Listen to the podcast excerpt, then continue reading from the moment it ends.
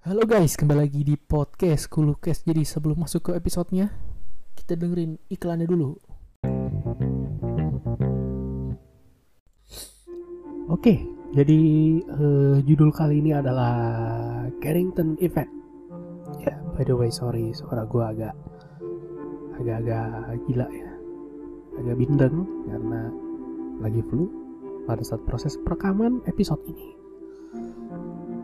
Jadi kita lanjutkan. Jadi eh, peristiwa Carrington itu adalah badai geomagnetik paling intens dalam sejarah yang tercatat terjadi pada 1 sampai 2 September 1859. Selam, dalam skala siklus matahari skalanya yang 10 yaitu skala paling besar.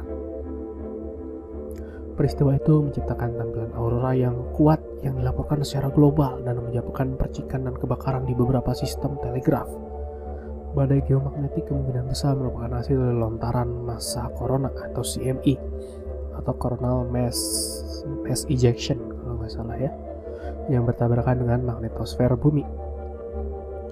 Suar matahari yang terkait dengan badai geomagnetik diamati dan dicatat secara independen oleh astronom Inggris bernama Richard Carrington dan Richard Hodgson pada 1 September tahun 1859 badai geomagnetik sebesar ini yang terjadi hari ini adalah akan jika badai geomagnetik yang sebesar ini terjadi pada hari ini akan menyebabkan gangguan listrik yang meluas, pemadaman listrik dan kerusakan akibat pemadaman jaringan listrik yang berkepanjangan. Nah, pun peristiwa Carrington terjadi beberapa bulan sebelum matahari maksimum. Periode aktivitas matahari yang meningkat menjadi siklus 10. Pada 1 sampai 2 September 1859, salah satu badai geomagnetik terbesar seperti yang dicatat oleh magnetos, magnetometer pembasis darat terjadi. Perkiraan kekuatan badai berkisar dari 0,8 Tesla hingga 1,75 Tesla. Suar itu dikaitkan dengan lontaran massa corona besar atau coronal mass ejection yang tadi yang melakukan perjalanan langsung ke bumi membutuhkan waktu 17,6 jam untuk menempuh perjalanan sejauh 150 juta kilometer. CME tipikal membutuhkan waktu beberapa hari untuk tiba di bumi, tapi diyakini bahwa kecepatan CME yang relatif tinggi ini dimungkinkan oleh CME sebelumnya. Mungkin penyebab besar aurora besar pada 29 Agustus yang membersihkan jalan tata surya ambien plasma angin untuk Carrington event ini. Tepat sebelum tengah hari. Pada tanggal 1 September, astronom amatir Inggris bernama Richard Christopher Carrington dan Richard Hodgson secara independen menyatat pengamatan paling awal dari suar matahari. Carrington dan Hodgson menyusun laporan independen yang diterbitkan berdampingan dalam pemberitahuan bulanan Royal Astronomical Society dan memamerkan gambar mereka dari acara tersebut pada pertemuan November 1859 dari Royal Astronomical Society tadi karena efek suara matahari geomagnetik yang diamati dalam catatan magnetometer Observatorium Q oleh fisikawan Skotlandia B. Stewart dan badai geomagnetik yang diamati pada hari berikutnya, Carrington mencurigai adanya hubungan matahari dan terestrial. Laporan di seluruh dunia tentang efek badai geomagnetik tahun 1859 disusun dan diterbitkan oleh ahli matematika Amerika, Elias Loomis, yang mendukung pengamatan Carrington dan Stewart. Jadi apa saja dampak yang dihasilkan oleh Carrington event tersebut ya kan? Oleh badai yang terjadi tahun 1859 yang pertama adalah tentunya aurora terlihat di seluruh dunia. Di belahan bumi utara sejauh selatan Karibia. Bagi yang nggak tahu Karibia Karibia itu uh, Kuba. Kuba Puerto Rico Jamaika dan sebagainya ya dan terlihat juga di atas pegunungan Rocky di Amerika Serikat yang sangat terang sehingga cahaya membangunkan para menambang emas yang mulai menyiapkan sarapan karena mereka mengiranya itu sudah pagi. Orang-orang Amerika Serikat bagian timur laut dapat membaca koran dengan cahaya aurora. Seterang apa tuh? Aurora itu terlihat dari kutub ke daerah lintang rendah seperti selatan-selatan tengah Meksiko.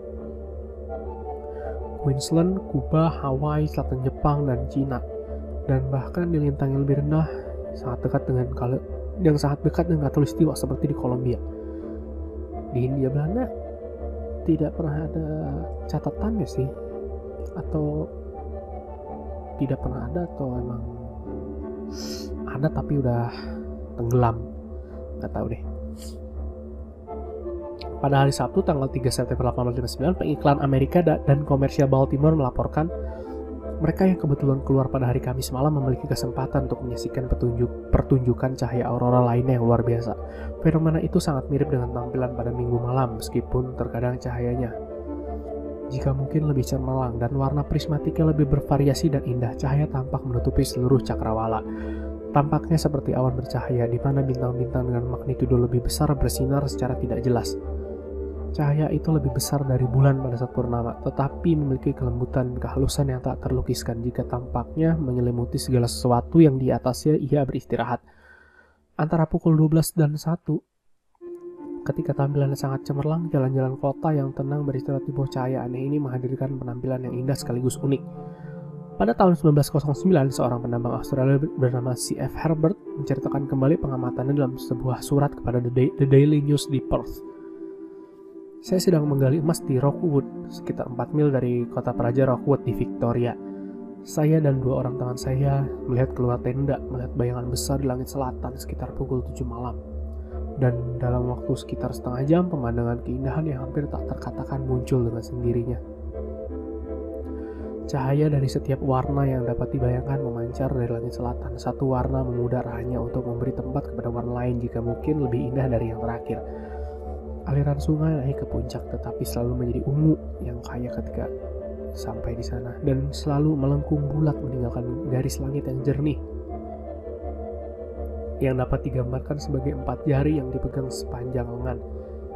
Sisi utara dari zenit juga diterangi dengan warna-warna indah selalu melingkar di zenit tapi dianggap hanya sebagai reproduksi tampilan selatan karena semua warna selatan dan utara selalu berhubungan itu adalah pemandangan yang tidak akan pernah dilupakan dan pada saat itu itu dianggap sebagai aurora terbesar yang tercatat. Orang-orang yang percaya tahayul dan fanatik memiliki firasat buruk dan menganggapnya sebagai pertanda Armageddon dan hari akhir. Karena pada saat itu uh, belum ada sistem seperti ya komunikasi seperti sekarang, seperti internet dan lain-lain, maka yang ter terkena efek pada saat itu adalah telegraf jadi sistem telegraf di seluruh Eropa dan Amerika Utara gagal. Dalam beberapa kasus memberikan kejutan listrik pada operator telegraf. Tiang telegraf melemparkan percikan api. Beberapa operator telegraf dapat terus mengirim dan menerima pesan meskipun power supply mereka telah diputus. Tapi ternyata uh, ada badai yang kekuatannya 11-12 dengan si Carrington Event ini. Dan badai matahari terjadi di tahun 2012, tepatnya di bulan Juli. Jadi, badai matahari pada tahun 2012 adalah peristiwa lontaran masa corona, ya yang sama seperti tadi. Dan eh, kekuatan letusannya itu bisa dibilang sebanding dengan peristiwa Carrington 1859 dan karena pada saat itu uh, kita sudah punya ya bangsa umat manusia itu sudah memiliki satelit dan lain-lain maka letusan itu merobek orbit bumi menghantam suatu rangkasa stereo A. Suatu angkasa adalah observatorium surya yang dilengkapi untuk mengukur aktivitas tersebut dan karena letaknya jauh dari bumi dan karena tidak terlalu serisik kuat evolusi karena SME menghantam magnetosfer bumi. Tapi ia selamat dari dari tersebut. Berdasarkan data yang dapat dikumpulkan, letusan terdiri dari dua e, lontaran terpisah yang mampu mencapai kekuatan yang sangat tinggi karena media antar planet di sekitar matahari telah dibersihkan oleh lonjakan yang lebih kecil empat hari sebelumnya. Efek yang dapat diprediksi jika itu mengenai bumi dan untungnya itu tidak mengenai bumi karena ya uh, ini saat anginnya mencapai bumi, capai orbit bumi, posisi bumi sudah tidak di situ lagi, jadi dia sudah berpindah, sudah bergeser. Jadi ya bersyukurlah ya. Ini, ini, ini, ini efek yang diprediksi jika itu menghantam bumi, kemungkinan besar akan menimbulkan kerusakan serius pada sistem elektronik dalam skala global. Sebuah studi tahun 2013 memperkirakan bahwa biaya ekonomi ke kerugian Amerika Serikat akan berkisar antara 600 miliar US dollar hingga 2,6 triliun US dollar. Ying Di Liu, profesor di laboratorium cuaca luar angkasa Cina, memperkirakan bahwa waktu pemulihan dari bencana semacam itu akan memakan waktu sekitar 4 hingga 10 tahun.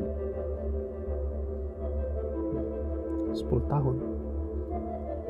Bayangin aja, kalau misalnya itu kena bumi, eh, pemulihannya baru selesai tahun ini.